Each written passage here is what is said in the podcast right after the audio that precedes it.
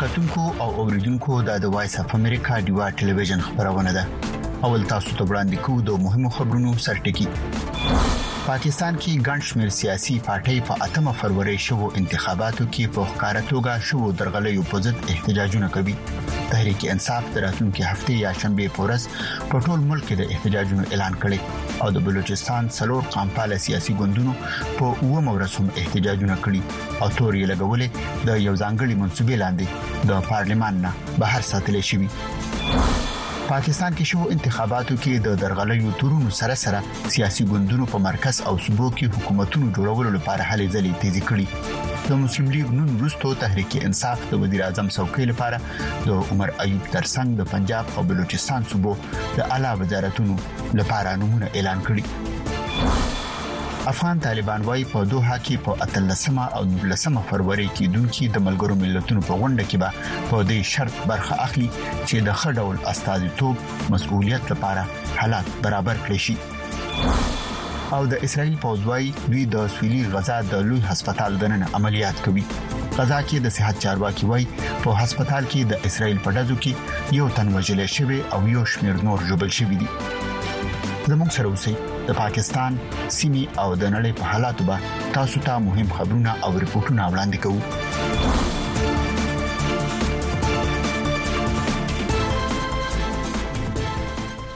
کتونکو اوریدونکو ستړي مشه ته وایو یو ځل بیا دا د وایس اف امریکا دیوا د ټلویزیون خبرونه ده خپل اولنی ریپورت اړه ترازو پاکستان کې د فروری په اتمه نیټه شبو انتخاباتو کې د مبینه درغلې او انتخاباتو په نتیجو کې د بدلونونو په ضد د بلوچستان سیاسي ګوندونو په اوو مورث هم احتجاجونه کړي دي انتخاباتو په نتیجو کې د مبینه مداخلت په ضد د سلورو ګوندونو احتجاجي ناسته په کوټه کې د الیکشن کمیشن او د کمېشنر دفتر مخې ته روانه ده. په سرحدي ښار چمن کې هم د عوامي نېشنل پارټۍ له خوا د انتخابي نتیجو د بدلون په ضد احتجاجي مظاهرو کې ګڼ شمېر خلکو برخه اخیستې. نور تفصیل د کوټې نه د ډیوه خبریال حمید سمسور په دې رپورټ کې راکوي.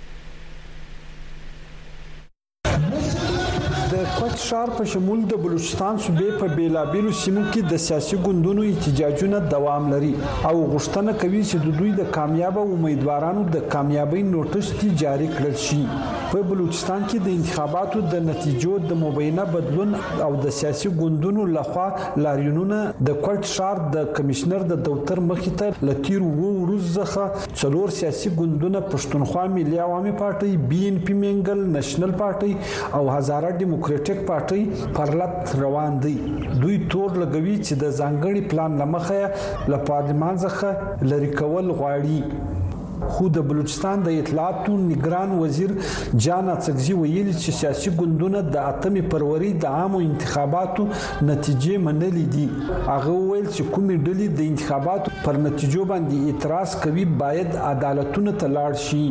مشپه کې د دې نتایج بدل کړل سو او دا سټان د کروڑونو روپی په یوس کې وهغه خلک ته ورکړل سو چې هغه نه الیکشن کمپاین کړي او نه الیکشن مهم ترغلی او هغه سرمایه درلوده دولت درلود او دا ټول د دې صوبې کوم مقتدر قوتونه دي د دې ملک مقتدر قوتونه دي هغه دا فیصله کړې و لطفال ګوندونه له سیاست د ډګره وباسو، د اسمبلۍ یې وباسو، دوی په ولس کې بې حیثیته کړو، چیف جسټس قاضي په احساس سابسه چې هغه د دې درغلیو از خود نوټس واخلي. خو بل لور ته بیا هلته په هب کې د انتخابي نتیجو د بیا شمېرنې پر مهال باندې د نښتې له سوبه ځخه د دوو کسانو د وژنې وروسته حکومت اوس هلته د اساسي قانون یو سل څلور څلوېښت مه ماده فعال کړې ده خو د دې باوجود نه یوازې د صوبې په لرو پرتو سیمو کې بلکې د کوټې د صوبایي الیکشن کمشنر د توتر مخې ته هم احتجاجونه روان دي دا رنګه په 251 د قومي اسمبلی سیټ دی د جو خوشحال خان کاکاټ د 15 نمبر فارم چار پریزایډینګ افسر پولینګ ایجنټ ته ورکړي هغه مطابق موږ دا سیټ ګټلې دی د خوشحال خان کاکړ چې د کامیابی اعلان هم وسو نوټیفیکیشن جاري سو هغه يې بيرته په شکست بدل کړ صرف دوه نوي ووټونه نو خبره دا ده چې دا نتايج موږ په يو صورت کې نه منو. سیاسي ګوندونه له چیف الیکشن کمشنر څخه د خپل منصبه د استعفا غوښتنه هم کوي وګوره کې حالت قومي اسمبلی کې چې نشست دی کوي چې گوادر غه الته زموږ پارټي سربرا ډاکټر مالک بلوچ غټلیو هغه چې هغه منډیټ هم بیا کلای کې او رلتم زموږ پارټي په درنه کې ناشته احتجاجي ریلی کې ناشته دغه اکدو تحریک والا هم خپل خاصه دیم ناشته او چار جماعتي اتحاد هم تل گوادر کې ناشته تربت کې زموږ کیب لګیدل ریلی د تربت کې دغه پنځګور کې مسته بارکان کې است د بلوچستان د اطلاعاتو نګران وزیر جان اڅکزي ویلي چې د بلوچستان خلکو د فروري پر اتمه په عامه انتخاباتو کې بېلابېلو سیاسي ګوندونو ته مینډیټ ورکړی دی. ده په خبري کانفرنس کې وویل چې سیاسي ګوندونه باید د ټاکنو د نتیجو په اړه د وضعیت په جدت پوه شي هغه سیاسي ګوندونه چې اعتراضونه څرګندوي باید عدالت او نور اړوند ادارو ته درخواستونه ورکړي د د په خبره چې ملتپال سیاسي ګوندونه د پروري د اتمی په ټاکنو کې د پام وړ بریا ترلاسه نه کړله د دوی کاندیدان چې د نتیجې په اړه تحفظات لري عدالت لدی ولاړ شي حمید سمسور وی وی ډیوا کوټه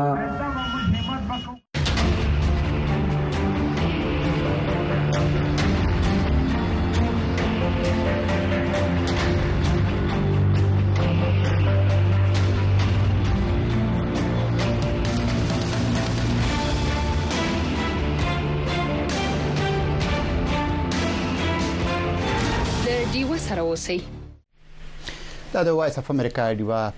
رادیو ټلویزیون خبرونه ده سیلونکو وایي د پاکستان ټولي سیاسي پارټۍ د انتخاباتو نه خوشاله نه دي هر ګوند شکایتونه لري چې په ووټونو کې ورسره درغلي شوې ده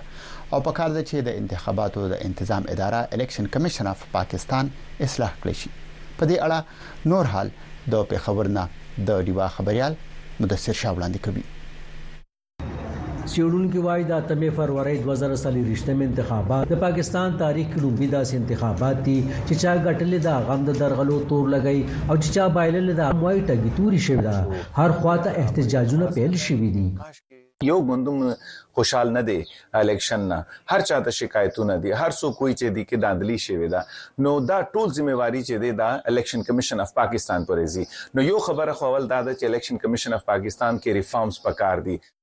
ډاکټر سهروردي وايي، د هېواد د لویو او وړو زیاتره سیاسي ګوندونو تورونه ښايي چې د انتخاباتو قوانین د موجوده حالاتو او تقاضو جواب نشي ویلی او دې کې د اصلاحاتو سخت ضرورت دی کوم چې به دغه ګوندونه په ګډه کوي د راپورونو تر مخې پاکستان تحریک انصاف د تیرو څلور ورځو نه د سرخار پیښور بلابلو سیمو کې پرلتونه غځولي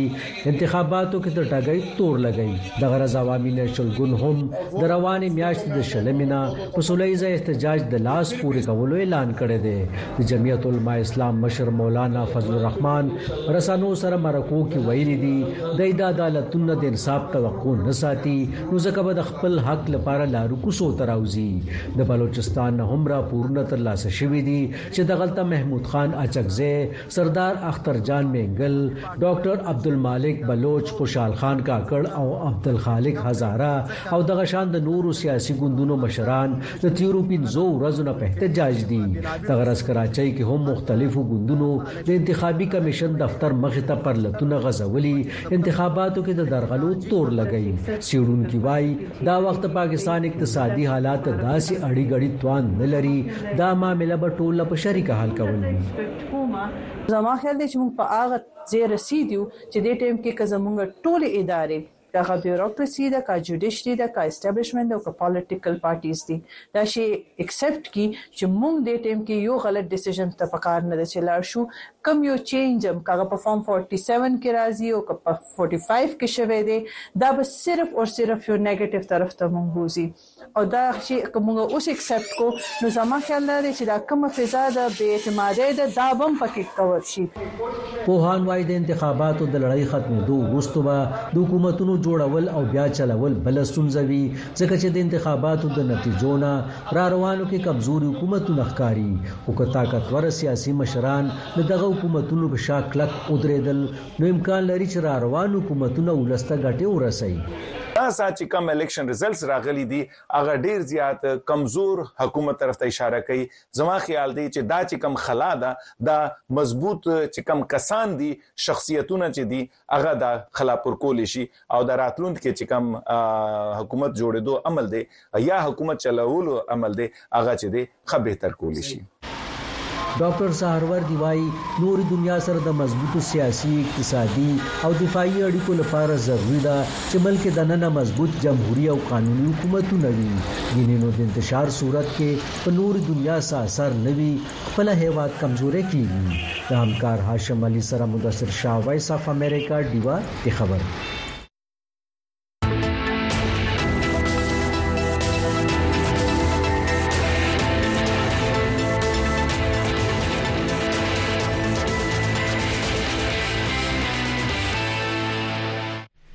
دا د وایس اف امریکا دیوا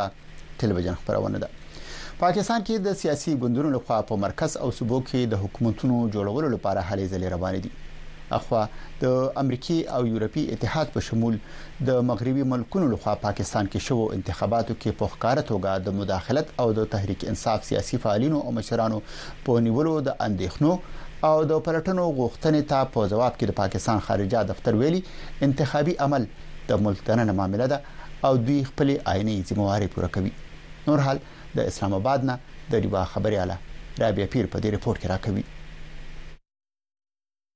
د پاکستان د تازه عامو انتخاباتو په شفافیت نه یوازې د ملک د ننه تشویش موجود دی، بلکې په نړیواله کچه هم دغه ووټونه لانجمن بلل کیږي. امریکې غوښتنه کړې چې د دوه زره څلورویشت په انتخاباتو کې د مبینه درغلیو تحقیقات دې وکړي. د امریکا د دغه بیان په عکس العمل کې د پاکستان د خارجه وزارت ویاندې ممتاز زهرا بلوچ، ډیرکټ ویلي، د ټاکنو په اړه د څارونکو له خوا ډیرې څرګندونې د حقیقت په اساس نه دي. الیکشن پروسس ان پاکستان از. انتخابات د پاکستان د کورنۍ خپلواکۍ معامله ده، په میلیونو پاکستانیانو خپل ووټ اچولی، پاکستان د بهرني هیوادونو د نصیحتونو لاندې نه بلکې خپل د آئین تر مخه خپله ذمه واري په بشپړه توګه تر سره کوي. د امریکا په بیان د تحریک انصاف عکس العمل هم مخې ته راغلی. د پي ټي آی یو مشر بریسټر محمد علي سیف د ګوند د باني چیئرمین عمران خان پیغام مطبوعاتو ته وړاندې کړی چې عمران خان ویلي امریکا د پاکستان په انتخاباتو کې د درغلیو په نظر کې نیولو سره د خپل ماضي د پاکولو چانس لري. نوموړي دا هم وویل امریکا باید د دا ډول بیانونو د خپرولو پر ځای په درغلۍ کې په ښکیلو کسانو فشار راوړي. مسلم لیګ نواز ډلي په ایکس، پخواني ټویټر، لیکلي، پي ټي آی په زړورتیا سره د بهرنۍ مداخلې، بالکل نه یا Absolutely Not، د خپل بیان څخه لیرې شوی او د امریکا په پښو کې ناست د مرستې غوښتنه کوي. څېړونکي وايي، دا یو حقیقت دی چې په پاکستان کې په ټاکنو کې د زورورو طاقتونو له خوا مداخلت کېږي. د خلکو دا یقین پخېږي چې په پاکستان کې زورور خلک دي او هغوی الیکشن په زوره ګټي. دا کله یو اړخ ته وي، کله بل اړخ ته وي. د دوی کله د یو اړخ ملاتړ کوي، کله د بل اړخ ملاتړ کوي. د دې اثر به دا وي په پاکستان باندې په راتلونکي وخت کې چې پاکستان کې به د جمهوریت هغه بنیاد چې کوم دی، هغه به ورسره خرابېدل شروع شي. په انتخاباتو کې د مبینه درغلیو تورونه د پاکستان تحریک انصاف نه علاوه جمعیت علماء اسلام، فضل الرحمان ډلې، جماعت اسلامي، ګراین ډیموکراټیک الاینس او په بلوچستان کې ملتپاله ګوندونو هم لګولي او په دې اړه په هېواد کې دننه احتجاجونه دوام لري. تر اوسه پورې څونه الکشنونه هم شوي دي نو هغه ټولو باره کې به هر حال د خلکو شکایتونه وي او کوم ګوندونه چې وبایلي نو د هغوي د طرف نه خامخا شکایتونه وي. په پاکستان کې چې دا الکشنونه مسلسل وشي نو کیدی شي چې بیا داسې یو وخت راشي چې بیا په هغوي کې دا شکایتونه دونه حده پورې نه وي. په دغه ټاکنو کې د تحریک انصاف حمایت یافته امیدوارانو تر ټولو زیاتي چوکۍ ترلاسه کړي، خو د سیاسي ګوند په توګه پاکستان مسلم لیګ نون، پیپلز پارټۍ، مسلم لیګ کاف او نورو ګوندونو په مرکز کښې د اتحادي حکومت جوړولو اعلان کړی دی. رابعه پیر، وائس آف امریکا، ډیوه، اسلام آباد.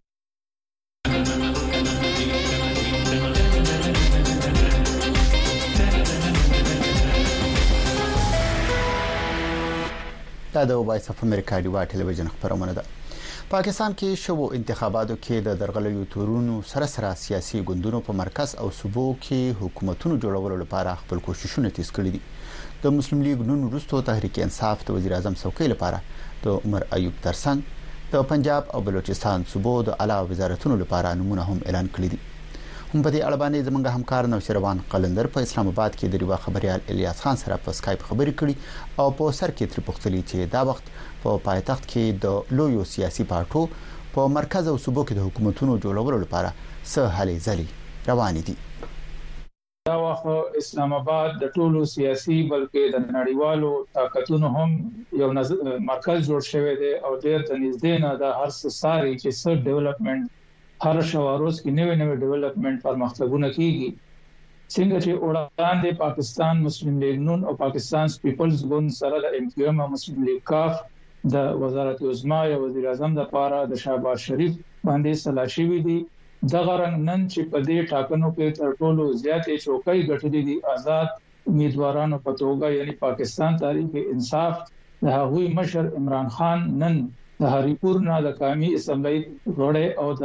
پي ټي آی جنرال سیکرټري عمر ایوب خان نوم د وزارت عظما لپاره ورکړی دی دا خبره د ګوند سینیئر مشر بیرسټر ګوهر علي خان نن په اډیالا بندیخانه کې د عمران خان سره د ملاقات نه وروسته خبریالانو ته کړې ده او د ګوهرعلي خان دا وینا وه چې د عمر ایوب خان د وزیراعظمۍ سره سره د پنجاب اعلی وزیر لپاره یې د میا اقبال میا اسلم اقبال نوم وړاندې کړی دی عمران خان صاحب او دغه رنګ د بلوچستان اعلی وزارت د پاره زمون امیدوار به سالار خان وي او د غرنګ د خیبر پښتونخوا چې کوم سپیکر دی دای ظاهر ده چې وزیر اعلی وړاندې نه نومول شوی د مين ګنداپور سپیکر د پاره د اسد قیصر رور عاقب الله نوم عمران خان وړاندې کړی دی نو دغه رنګ دغه حالې ځلې روانې دي او د دغه هم داوا و چې مونږه تقریبا یو سل اتیا چوکۍ په مرکز کې ګټلې دي او مونږ به صرف دوباره دوی دا تکرار کا چې آیا تاسو رابطې شوې دي د پیپلز ګوند سره یا د نورو سره دوی دا وایي چې مونږه مسلم لیګ نون یا مسلم پاکستان پیپلز ګوند سره بلکل نشو تلای پاور شیرنګ مونږ به د غټو ګوندونو سره نه غواړو او نه کوو او د دې په نسبت مونږ اپوزیشن بنچونو باندې وکینو خو د دغه ویناوه چې کومه دغه اوټونو دوباره د دې شمیرې روان دي یا دغه قضیه روان دي الیکشن کمیشن کې یا ټریبیونلز کې نو د ده دغه هیله وه چې موږ به زیاتې چوکۍ ترلاسه کوو او عمر ایوب به وزیراعظم جوړوو. الیاس خان خو دا هم راته وویل چې د تحریک انصاف په پلاویتوب باندې ډېر غړي د قومي اسمبلۍ لپاره هم منتخب شوي یا پاس شوي دي او ورسره په خیبر پښتونخوا کې هم د په دغه سملو کې چې کوم د تحریک انصاف سره پلیټ فارم نشته یعنی پارټي په پارلیمنت کې نشته او داغي آزاد غړي لګیا دي یو ځای بل ځای جماعتونو پس ګرځوي چې کنه په یو پارټي کې شامل کړي دغه سلسله چرته ورسېده آیا کوم پارټي ور سره رضا شوی کنه په هغه کې هم مختلف قسمه غوسې وي چې را دغه رنګ په خیبر پښتونخوا کې دوی د پی ټی آی پارلیمنټرین سره تماس نیول دی خو دا غي هم نن دغه خبرونه رد کړل شو او دا غوي دغه ویناوه چې هیڅ رقم سره تماس په پی ټی آی سره پارلیمنټرین پر سټک سره نه دی نیول شوی دا غرنګ وړاندې چې جماعت اسلامي سره کوم خبره شوې دا غینه جماعت اسلامي ولا پښاشو او دا غوي دا وینا چې هیڅ قسمه دوی سره مونږه دغه فیس شریک نه یو پاور شیرنګ کې نو د خیبر پښتونخوا په حواله سره خو داسې څه قسمه خبر نشته دی البته هڅه کې بیا قانون پوهان دا وایي چې دوی په یوازې باندې هم حکومت جوړول شي ولې چې دوی سر اکثریت ته باید که دوی دغه چې کم ریزرو سیټ دي زنانه یا د اقلیتونو دغه دوی ته ملاو هم نشي ول چې نور ګوندونو ډیر کم سیټونه دي البته په مرکز کې بیا دوی ته وحدت المسلمین سره مجلس وحدت المسلمین سره د دوی دغه وینا ده چې په مرکز او پنجاب کې به مونږ بیا دوی سره په شریکه دغه حکومت جوړو چې دغه رنګ مونږ ته دغه ریزرو سیټ چې کوم دي دغه هم حاصل شي سره او یاد خان الیکشن کمیشن خو تر اوسه پورې باضابطه نتیجې بنی اعلان کړي سو اطلاع شته کنه دغه مرحله چرته ورسېده جی بالکل ای کې تر دې د الیکشن کمیشن دغه وینا ده چې مونږه ذمہواری دغه د آئینی چې مونږه په کراش مری خلکو ته وړاندې کوو او دغه رنګ کومګه کم دلته کې په بازي خلکو باندې لانجې دي یا مونږه دغه افیشل بجټ دا ان تبدیل اعلان کړی ندی نو عین دوی ته دوه هفته یا نسوار لس ورځې وخت ورکړي په دې کې دنه به یا دغه ورځې پورې به دوی دغه نتیجې اعلان کوي نو هغه کومه وګورو نو هغه د وشتمه پورې دوی سره دغه وخت او تر دغه پورې د الیکشن کمیشن دغه وینا ده چې موږ به دغه سرکاري نتیجې ټولې اعلان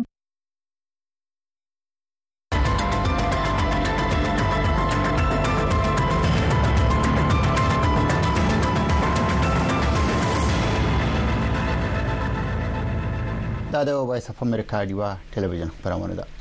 پاکستان کې مذهبي سیاسي ګوند جماعت اسلامي د پاکستان تحریک انصاف د آزاد امیدوارو په پارټي کې د شاملولو نه انکار کړی دی سړونکو وایي پاکستان تحریک انصاف ته کوم بل لوی سیاسي ګوند کې شاملیدل ګران دي او په خیبر پښتونخوا کې هم د کوم بل ګوند یو ځای کېدل لا تر اوسه امکان نه لري نور حال د سیمې رادیو خبریال ارشد مومن په دې رپورټ کې راکوي.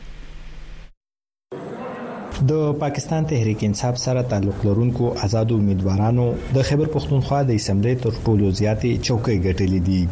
دغسې بیا د جمعیت علما اسلام، مسلم لیګ نون، پاکستان پیپلز پارټۍ، پاکستان تحریک انصاف پارلیمنټریرین او عوامي نشنل ګوند نه هم ځینې د صوبه اسمبلۍ غړي منتخب شوي دي، خو څېړونکي وايي په صوبه کې د تحریک انصاف د دې ګوندونو سره یو ځای تلل ګران ښکاري. تر اوسه پورې چې موږ تحریک انصاف په کسانو سره چې خبرې کوو هغه واضح جواب نه شي ورکوي وايي چې جي خبرې اترې روان دي اوس به ګورو چې څه کيږي ليکن اوسه پورې کنفيوژن شته که دا به څنګه کيږي. د پاکستان شپږو ګوندونو اتحاديې او تحريک انصاف د وفاقي حکومت د جوړولو اعلانونه کړي دي. د شپږو ګوندونو اتحاديې وزيراعظم دپاره د پاکستان مسلم ليګ نون شهباز شريف او پاکستان تحريک انصاف د عمر ايوب نومونه اعلان کړي دي. د پاکستان تحریک انصاف د ازادو غړو په وحدت المسلمین ګوند کې د ګډون ویلي او پخواني سپیکر اسد قیصر ویلي د جمعیت علما اسلام، عوامي نیشنل ګوند، جماعت اسلامي او نورو سیاسي ګوندونو سره رابطې کوي. د پاکستان تحریک انصاف ازادو غړو په خیبر پښتونخوا کې د علي امین ګنډاپور نوم د وزیر الله څوکۍ لپاره وړاندې کړی دی خو څیړونکي وايي تحریک انصاف ګڼي چې د اسټبلشمنټ لخوا ځورول شوي دي. او لا هم د اسټبلیشمنټ سره د مصالحت کوم ګامونه نه دي پورته کړي د تحریک انصاف د مرکزی حکومت او اسټبلیشمنټ سره مخالفت په دا صوبه د ډیرو مسلو سره مخ کی مالی بحران دی خیبر پختونخوا ته او د وسنه د ډیر وخت نه دی نو چې کله الته په وفاق کې بل حکومتي دلته بل حکومتي نو آیا هغه وفاق تخپل عیني حق ورکړي کم چې موږ کتل ډیر وختونو کې تیر وختونو کې هم نه دی ورکړي نو دا یو بل غټ چیلنج دی چې را دا بسنګ دوی ترلاسه کوي او چې بیا کله د دوی پالیسی هم مزاحمتي وي په وفاق باندې جړایي وي نو آیا هغه صورت کې بیا هغه د صوبې د خپل حق ورکی کنه ورکی سیړونکو وایي دا لا هم نه ده پډاګه چې پروستو کې د سخت مخالفت وروسته وحدت المسلمین ګوند علاوه کوم بل سیاسي ګوند د پاکستان تحریک انصاف سره یو ځای تللو ته تیاریږي او کنه جماعت اسلامي په اول کې د خوخي خودل وروسته سمدستي د تحریک انصاف د غړو په ګوند کې د شاملولو نه انکار کړي خو اسد قیصر وایي دوی به ټولو سیاسي ګوندونو سره خبرې کوي. ارشد مومند، وایس اف امریکا، ډیوه، پېښور.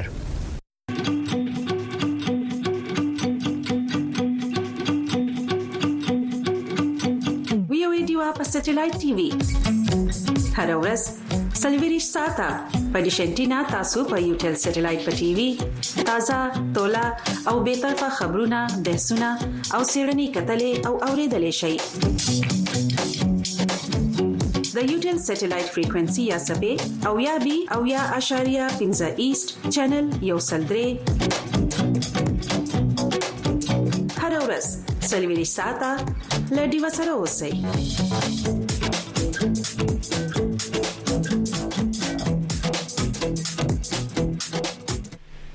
دا د وایس اف امریکا دی وخت پرونی دی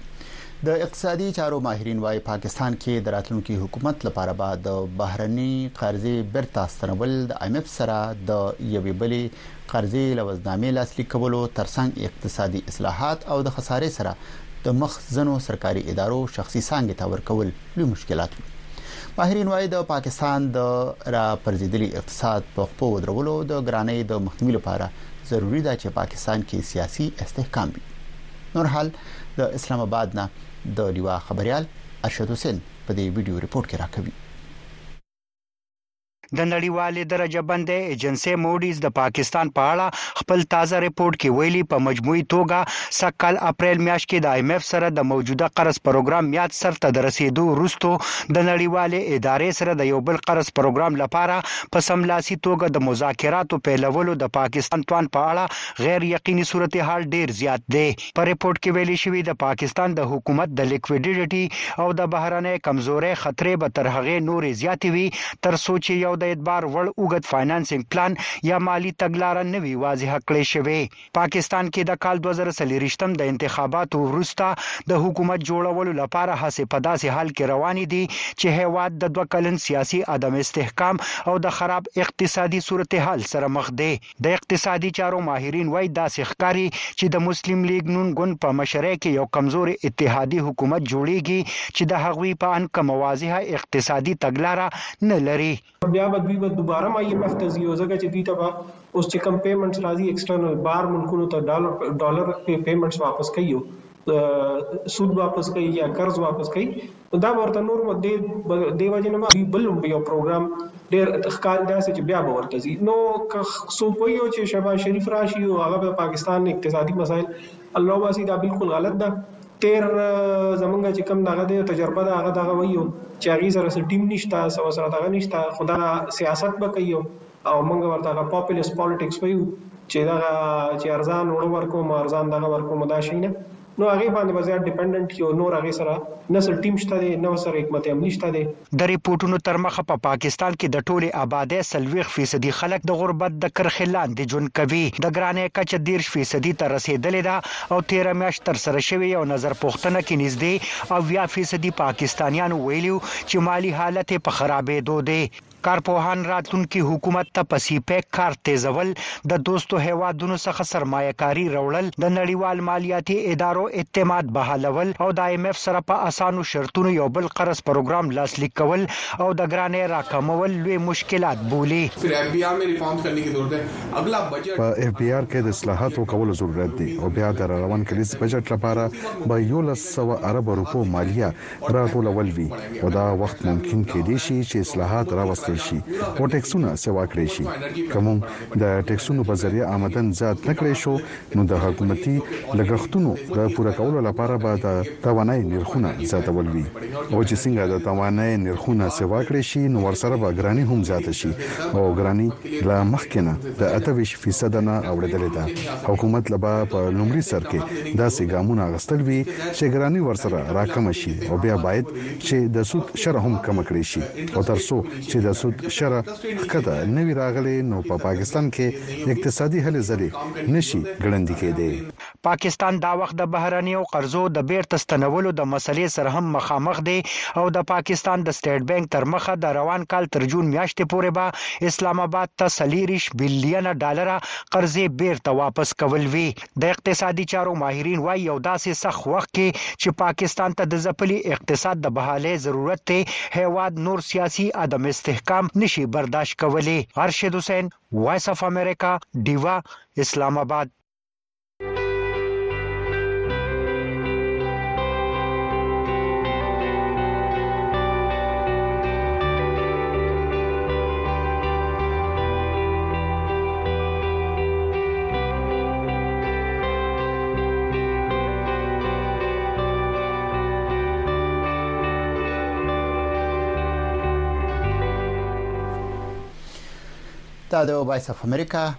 ډیوا ټلویزیون خبرونه دي د پاکستان سټیټ بانک وايي د هواد قرضې او واجبات یو اتیا کر بروپونه زیات شوي دي او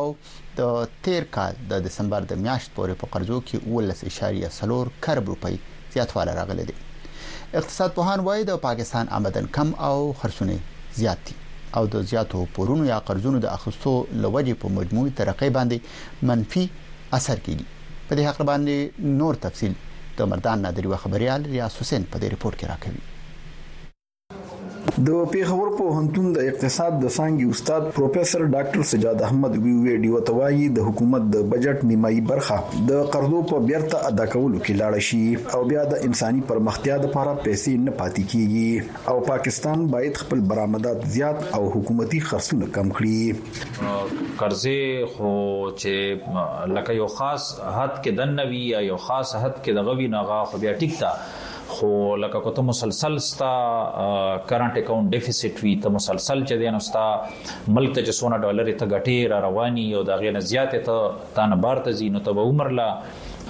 سټېټ بانک وايي، مجموعي قرضې او واجبات یو اتیا اعشاریه دوه ټریلیونه یا یو اتیا زره دوه سوه اربه روپو ته زیات شوي. په دې کې غیرملکي مجموعي قرضې درې دېرش زره اربه روپۍ یا یو سل یو دېرش اربه ډالره شاملې دي او په تېر یو کال کې په دې کې ویشت فیصده اضافه شوې. مرکزي د ټیکسونو ادارې ایبیا روان مالي کال د مالیې مجموعي هدف نهه زره څلور سوه اربه روپۍ ټاکلې او اداره وايي، په روان مالي کال اوو میاشتو کې د هدف نه زیاته مالیه راغونډه شوې، خو د اقتصاو پوهان وايي، په پاکستان کې مالیه زیاتره د بېوزله او نوکرپېشه خلکو نه د بلواسطه ټیکسونو په مد کې اخیستل کېږي، په آمدن ټیکسونه کم دي او باید چې حکومت دې ته پام وکړي.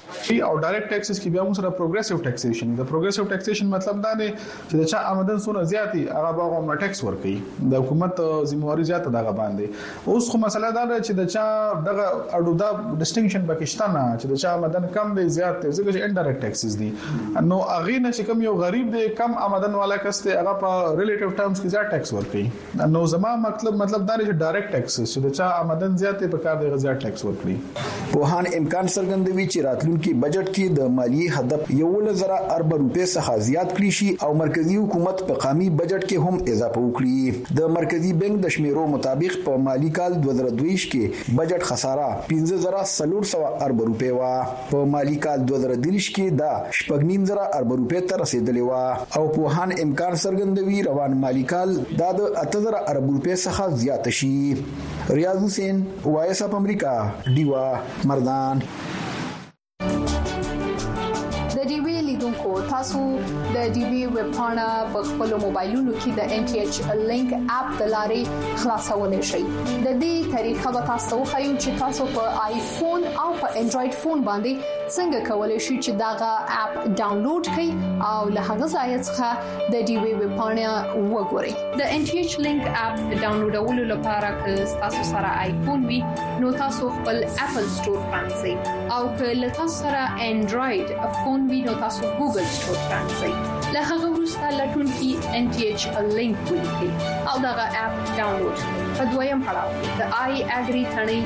کیکاږي او بیا د فلګ لاندې د کنیکټ تڼۍ کیکاږي او په دریم پړاو کې بیا د اوکی تڼۍ یا بټن کیکاږي لکه نکټېدو وروسته تاسو د دې وی پاڼه پرانیزئ او د خپل خوښې خبرونه وګورئ او له هغه ځایه تاسو کولی شئ چې د خپل خوښې ټول پروګرامونه ریپورتونه او لیکنې ولولئ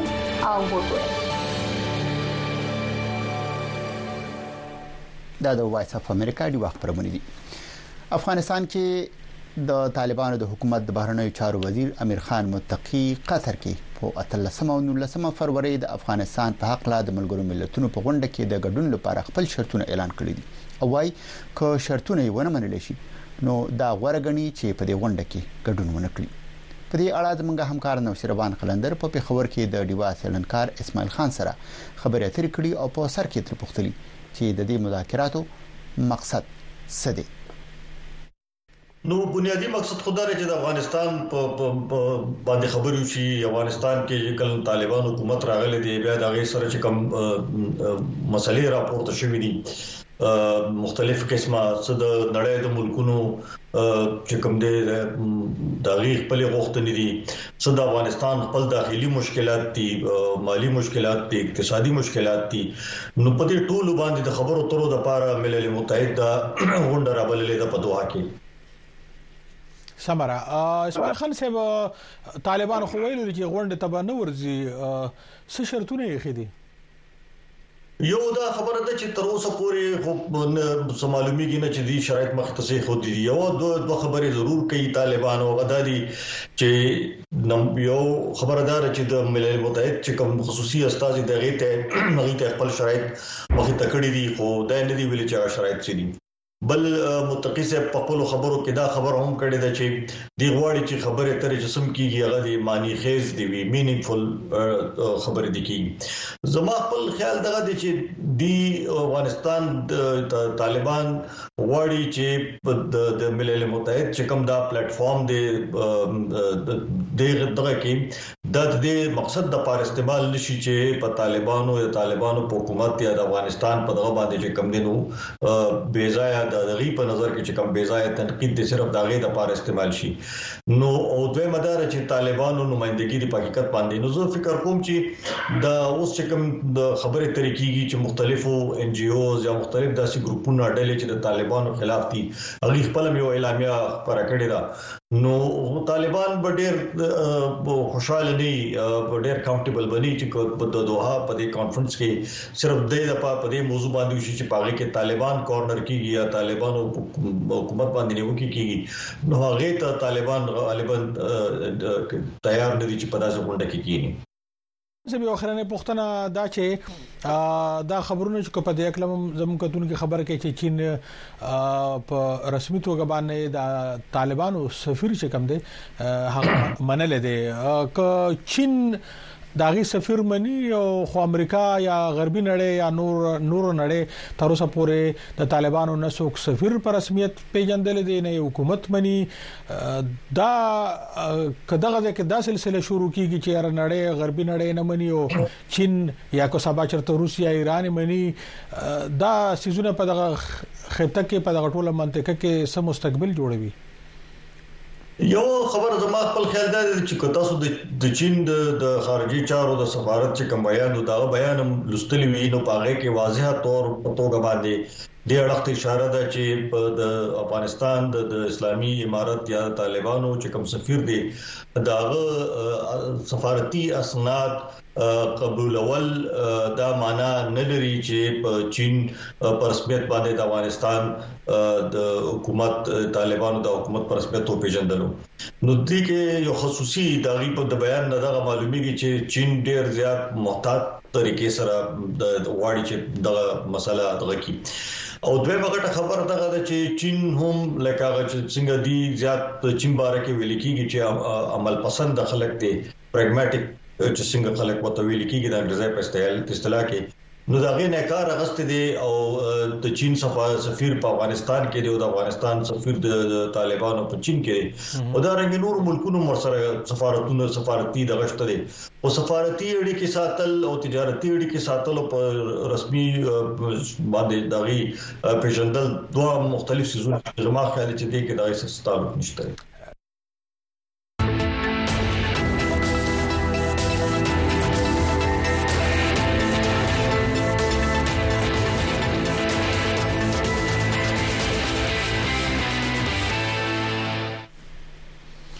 دا د وایس اف امریکا دی واخ پرونه دي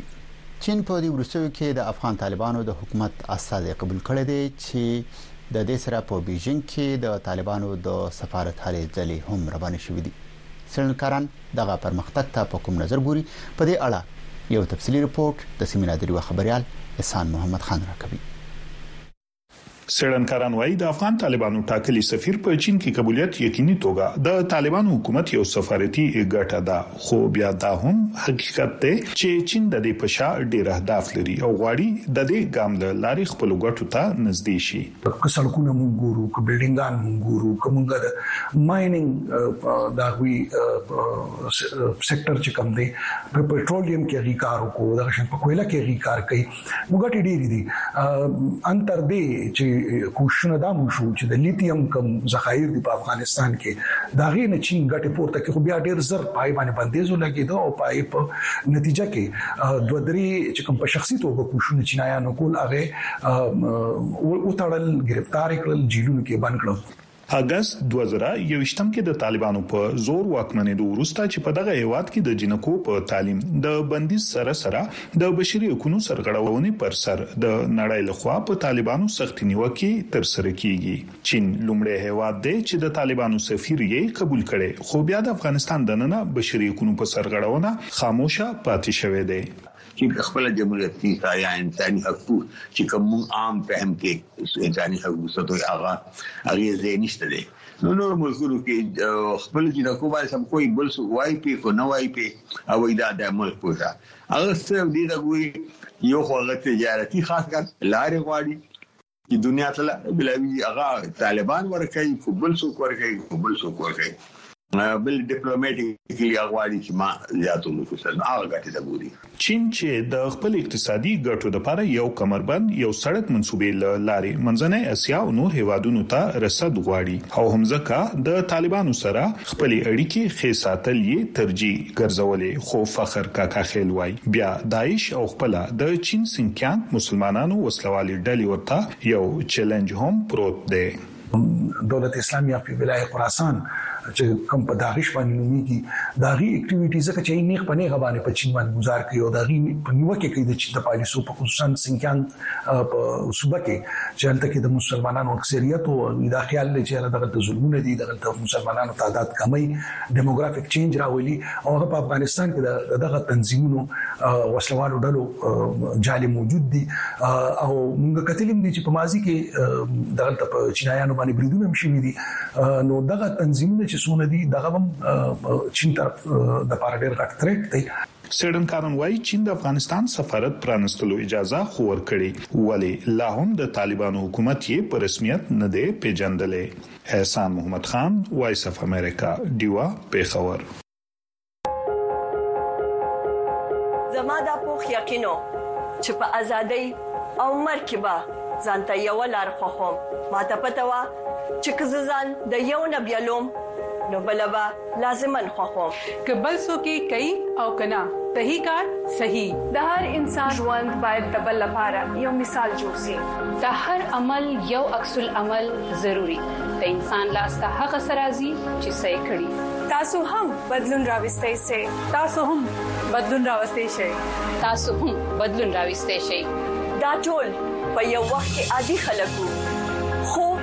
د نورو په ژوند کې یو لوی بدلون راوسته که هغه وړوکی وي او که غټ تاسو هم دغه بدلون راوستلی شئ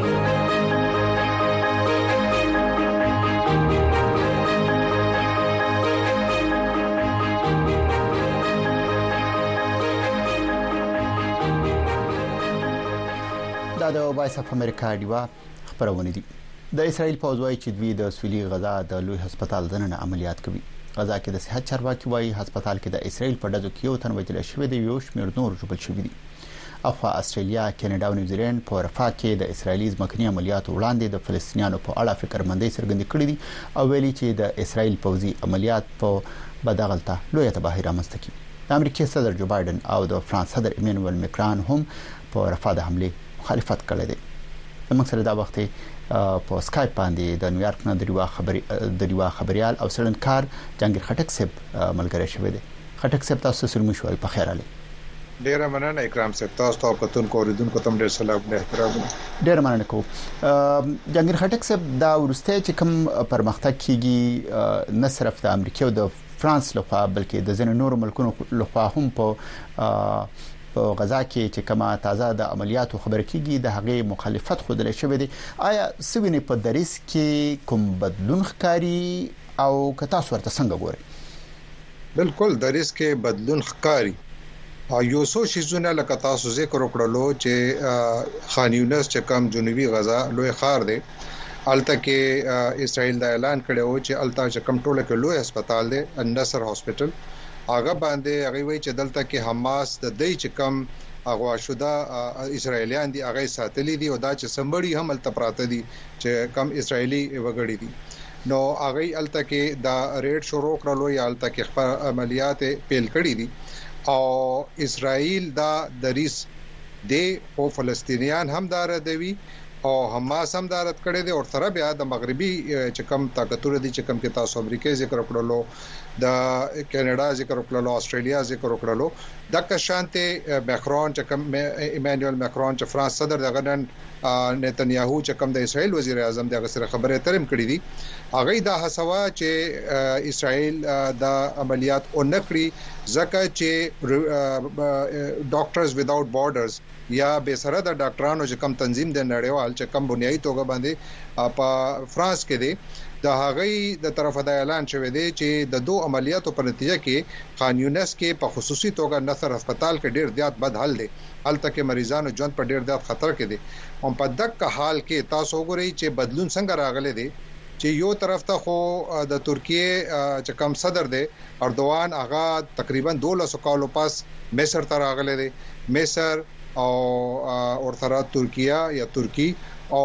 قطر ددی د طرفه ډیرې هڅې کیږي د امریکې ملګرتیې سره او په کار چې کوم پروګرام و هغه دا و چې اسراییل به هم قاهره کې چې کومې خبرې به کیدلې مصر کې په اوربند او دا چې کوم خلک اغوا شوي دي هغوی بازیابۍ لپاره نو نتنیاهو په اخري وخت کې دا اعلان وکړلو چې مونږ خپل خلک نه لیږو کایرو ته او هلته کې خبرو اترو دپاره نو چې کله دا اعلان وشولو او بیا هغوی دا هم وویل چې مونږ به هغه پورې جنګ جاري ساتو چې څو پورې مونږ خپل اهداف تر لاسه کړي نه چې کله دا خبر راغللو نو هغه وخت کې کایرو کې د سي آی ای مشر ویلیم برنز هم موجود وو او چې کله دا خبر راغو نو هغه بیا اسراییل ته راغللو دا وخت کې ویلیم برنز په اسرائیل کې دی او هلته کې هغه هڅه دا ده چې هغه نتنیاهو سره دا پروګرام کې شامل دی چې هغه به نتنیاهو سره لیدنه کوي اوس کتل به دا غواړي چې آیا نتنیاهو به دې ته تیار شي چې دا عملیات ونه کړي او دا چې سیز فایر یا اوربند لپاره تیار شي نو نړۍ کې تاسو بدلون ښکاري اوس دا راته وایي چې امریکا اسرائیل ته ډېرې پوځي مرستې ورکوي مالی مرستې ورکوي دغه شان یو شمېر مغربي ملکونه هم دي د هغوی هم د اسرایل سره خپل مرستې او تعلقات هم شته خو د دې هر څه ترڅنګ آیا دا صرف اسرایل باندې اسرایل ته وایي چې مکوي او کنه دا به د اسرایل وزیر اعظم بنجامین نتنیاهو په دې مجبور کړی او آیا د هغه سره آپشنز داسې سدي چې ګنې دغلت به هغه یا جنگ نور غزبي او کنه د پريشر لاندې به دغلته اوس د ډزبندۍ کوم امکان ښکاري؟ ګوري ډزبندۍ امکان خو ماته فی الحال تر ډیر زیات نه ښکاري ځکه چې اسرائیل دې ته تیار نه ښکاري خو چې کم نړیوال فشار دی هغه زیاتیږي لګیا دی دې کې شک نشته چې امریکا اسرائیل ته تقریبا اسرائیل ته چې څومره وسله ملاويږي هغه 80% نه زیاته وسله د امریکې نه زی دویم نمبر باندې جرمني دی چې کم درويش فیصد نه زیاته وسله چې کم اسرائیل اخلي نړۍ نه هغه جرمني ناراضي اوس یو نړیوال مهم شروع شوی دی چې کم کې امریکا هم شامل ده امریکې کې هم داسې چې کم سیاستوال دی هغه یې دا اوس د بایډن ادارې نه دا غوښتنه کوي چې تاسو نور وسله مه ورکوئ ورسره بیا په یورپ کې درې څلور هیوادونه داسې دي یعنی سپین نیدرلند او بیا ورسره د جاپان هم د یو بل څلورم هیواد هم دی ټوټل څلور هیوادونو دا اعلان کړی چې موږ به نوره وسله نه خرڅو په دو په هغه باندې په اسرائیل باندې نو یو مهم په دې طرف نه هم شروع شوی چې اسرائیل باندې وسله بند کړي دویم صدر بایډن ورسته یو څو ساعت اول اعلان کړی دی چې په امریکا کې څومره غیر قانوني توګه باندې چې کم میشته فلسطینیان دي دا هغه ته دا اجازه ورکړل شوې ده چې هغه بغیر ویزه په امریکا کې را روان اتلسو میاشتو پورې دلته ژوند کوی شي. دا هم په دې نظر سره کتل کیږي چې امریکا هم خپله پالیسي بدلوي او بیا یو بل دا چې امریکې د طرفه یو څو د اسرایلي چې کوم انتهاپسند خلک دي چې کوم سیټلرز ورته وایي چې کوم هلته کې آبادۍ جوړې کړي او هلته په فلسطینیانو په ځمکه پراته دي هغوی باندې هم امریکې نه یوازې دا چې ویزې پابندۍ لګولې دي بلکې نورو ګامونو اعلان هم کړی دی. نو موډ بدلیږي په واشنګټن کې ما په خیال صدر بایډن یو داسې وخت چې کله امریکا کې یو انتخابي کال هم دی او په غزا کې ډیره لویه تباهي شوې ده ګورئ اته ویشت زره شپږ سوه درې شپېته شمیره خو چې اوس اخري د پروګرام نه اول ما کتله نو دلته خو مرګ رارسیدلی دی چې دومره خلک مړه شوي دي چې کم کې دولسو زرو نه زیات ماشومان دي نو ورسره بیا ښځې دي نو په دې باندې نړیواله کچه باندې ډیر لوی یو داسې تحریک شروع شوی دی چې کوم مقصد اسراییل په دې مجبورول دي چې هغه نه یوازې دا چې اوربند ته تیار شي بلکې ورسره دا چې په غزا ته چې کوم امداد دی هغه دې هم ورکړل شي چې کوم مکمل توګه به یې نه ورکړل کیږي لګیا دی او بیا دا چې هلته کې امن دپاره څه لاره راوستل شي یو بل تحریک اخري ټکی یو بل تحریک چې کوم د وخت شروع دی هغه دا دی چې امریکا پکې شامله ده او عرب هېوادونو سره هغوی لګیا دي ټو سټیټ سلوشن یعنی دوه هیوادونو په بنیاد باندی د منځنی ختیځ د شخړی حل دپاره څه اعلان پروګرام هم کیږی خو اسراییل نه چې کوم نن خبرونه راځی د اسراییل چې کوم ورځپاڼی دي لکه ټایمز اف اسراییل هغوی د طرفه دا خبرونه را روان دي چې اسراییل نه اسراییل کې ددې خبر نه چټ انکار دی چې فلحال مونږ فلسطینی ریاست جوړولو دپاره تیار نه یو نو نړیوال فشار زیاتیږی. امریکې کې هم زما په خیال موډ لږ بدلیږي یورپ کې کافي بدل شوی دی او اسراییل باندې به د دې اقتصادي فشار به هم راځي او چې کوم په د د سور سمندر دی یا بحر احمر دی هلته کې یو ځل بیا کیسه ګرمیږي لبنان په پوله باندې هم جګړه ده نو کیسه ما په خیال ټوله فشار به اخر کې په اسراییل باندې راځي کته به دا غوي چې هغه څومره پر دا جنگ جاري ساتل غواړي. ډیره مننه کوو ستاسو ډیره مننه چې زموږ سره په پروګرام کې مو برخه واخیستله ستاسو ډیره مننه. ډیره مننه ډیره مننه. د بدلون په وخت کې کله چې نړۍ د غیر یقینۍ سره مخامخ ښکاري او کله چې موږ څه اورو هغه هغه شان نه ښکاري چې څنګه یې وینو موږ د رښتیا ولټون کوو موږ ته چې کله نیمګړی قصه ویل کیږي مونږ پر باور بیلو د کڑکېچ په شیبو کې زمون خوبونه امیدونه او د غوړه سباوند لپاره زمون ارزوګانې آزادې میډیا ته اړتیا لري په وایس اف امریکا کې مونږ تاسو ته داسې خبرونه راوړو چې د قتل لپاره خلک د خطر سره مخامخ کوي، موږ نړۍ سره یو ځای کوو او رښتیا سره یې پیوست کوو. په وایس اف امریکا کې موږ تاسو ته پوره عکس درښایو. دا د وایس اف امریکا ډیوه خبرونه دي د امن نوبل انعام ګټونکي ملالا یوسفزۍ د سوات د جنکو اولنی کرکټ ټیم لپاره د لوبي سامانونه ورلېږلي دي د کرکټ جنکۍ لوبغاړي وای د لوبې دغه سامانونو ورلېګل د جنکو د لوب مقابلو ته ود ورکوي په دې باندې به مونږه تاسو ته ریپورت وړاندې کوو مونږ سره مونږ سره اوسېږي خو یو بل ریپورت اړخته یونیورسيټي اف پیپل د اعلی تعلیم مفت یا ویړیا انلاین پوهنتون په دوه زره نهم کال کې جوړ شوی دی چې هدف یې تعلیم ته د عام ولس ته لاسرسي ده دغه یونیورسيټي په 200 ملکونو کې خپور شه یو لاک او سلويخت زره زده کوونکو یا طالب علمانو ته تعلیم ورکوي د وایس اف امریکا میکسم اډمز رپورټ دلته زموږ همکاره بهشته تلاش وړاندې کوي کاترینا ګلوبوچینکو د اوکراین د مایکولایف څخه ده کله چې روسیې د هغې هیواد اشغال کړ هغه د لسانس سند ترلاسه کولو څخه یوازې درې میاشتې لرې وه.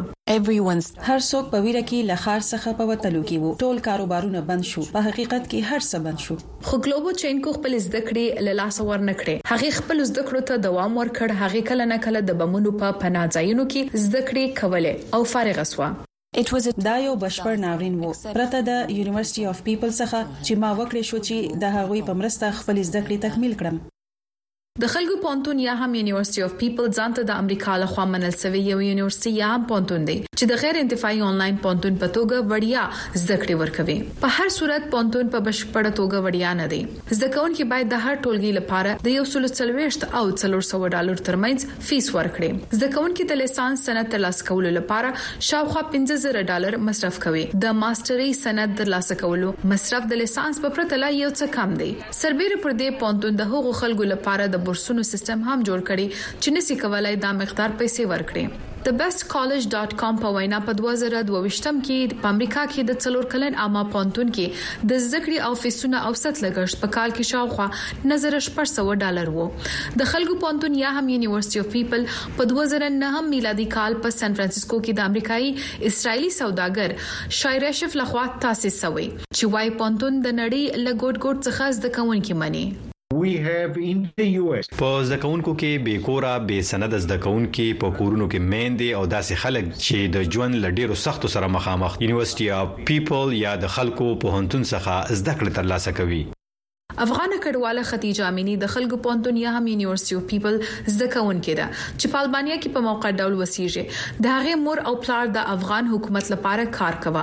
وروسته له هغې چې طالبان واک ته ورسېدل د هغې کورنۍ د هیواد پریښدو ته اړ سول او اوس هغه د امریکا ویزې ته انتظار باسي. د عربستان کې استعار Want I want to study. افغان نجونې غواړي چې زده کړې وکړي. په رضاکارانه ډول د کور څخه په انلاین ډول زه اوس دوی سره په زده کړو کې مرسته کوم. نن ورځ د دوه سوه هېوادونو څخه شاوخوا یو لک دېرش زره زده کوونکي د خلکو پوهنتون یا هم یونیورسټي اف پیپل کې زده کړې کوي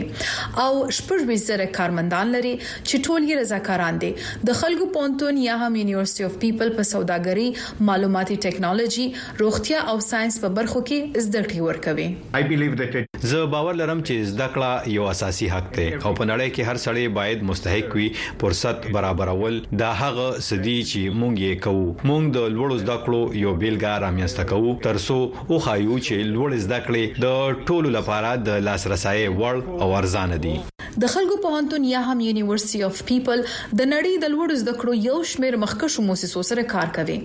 دا د غیر انتفاعي موسسو لکه بل او میلینډا ګېټس فاونډېشن، د ګوګل او انټېل په څېر شرکتونو څخه ملاتړ او مرستې هم ترلاسه کوي. بهشته تلاش، وي او ای ډیوه، واشنګټن ډي سي.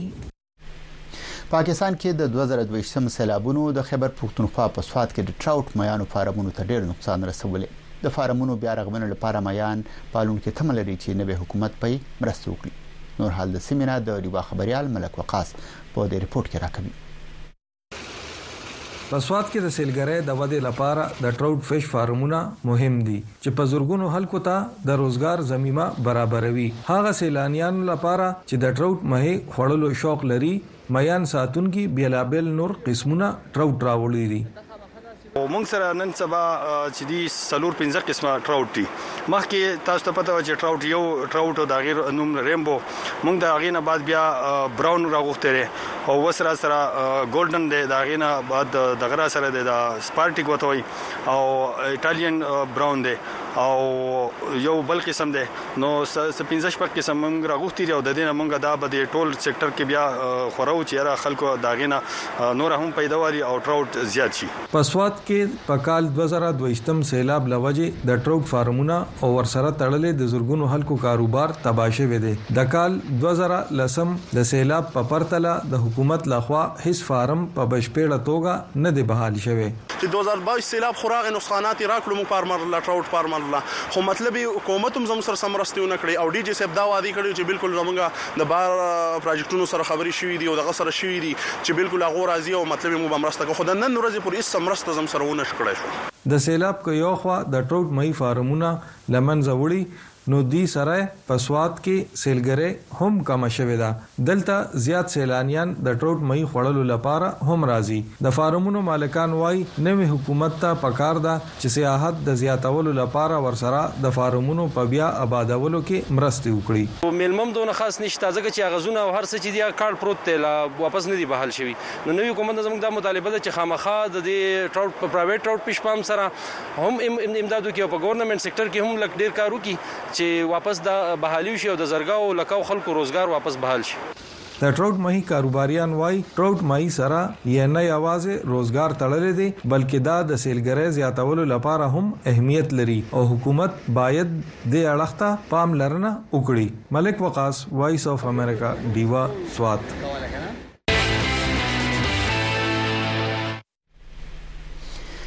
دا د نن ورځې مهم خبرونه او رپورټونه چې تاسو د وایس اف امریکا دیوا د ټلویزیون په خبرونو کې واوریدل زموږ د ټولو خبرونه تاسو په فیسبوک باندې اوریدئ او کته شي فیسبوک انستګرام او ټوئیټر پر ټولو باندې او په پاکستان کې چې کوم روان حالات دی او خاص کر د پاکستان سیاسي حالات د سیاسي ګوندونو ترمنځ دا وخت کوم کوششونه او هلې ځلې روان دي چې راتلونکي حکومت به د چاوي چا سره زیات واک اختیار وي څوک دا وخت د زیات ډیل او د یو بل سره د تړون کولو په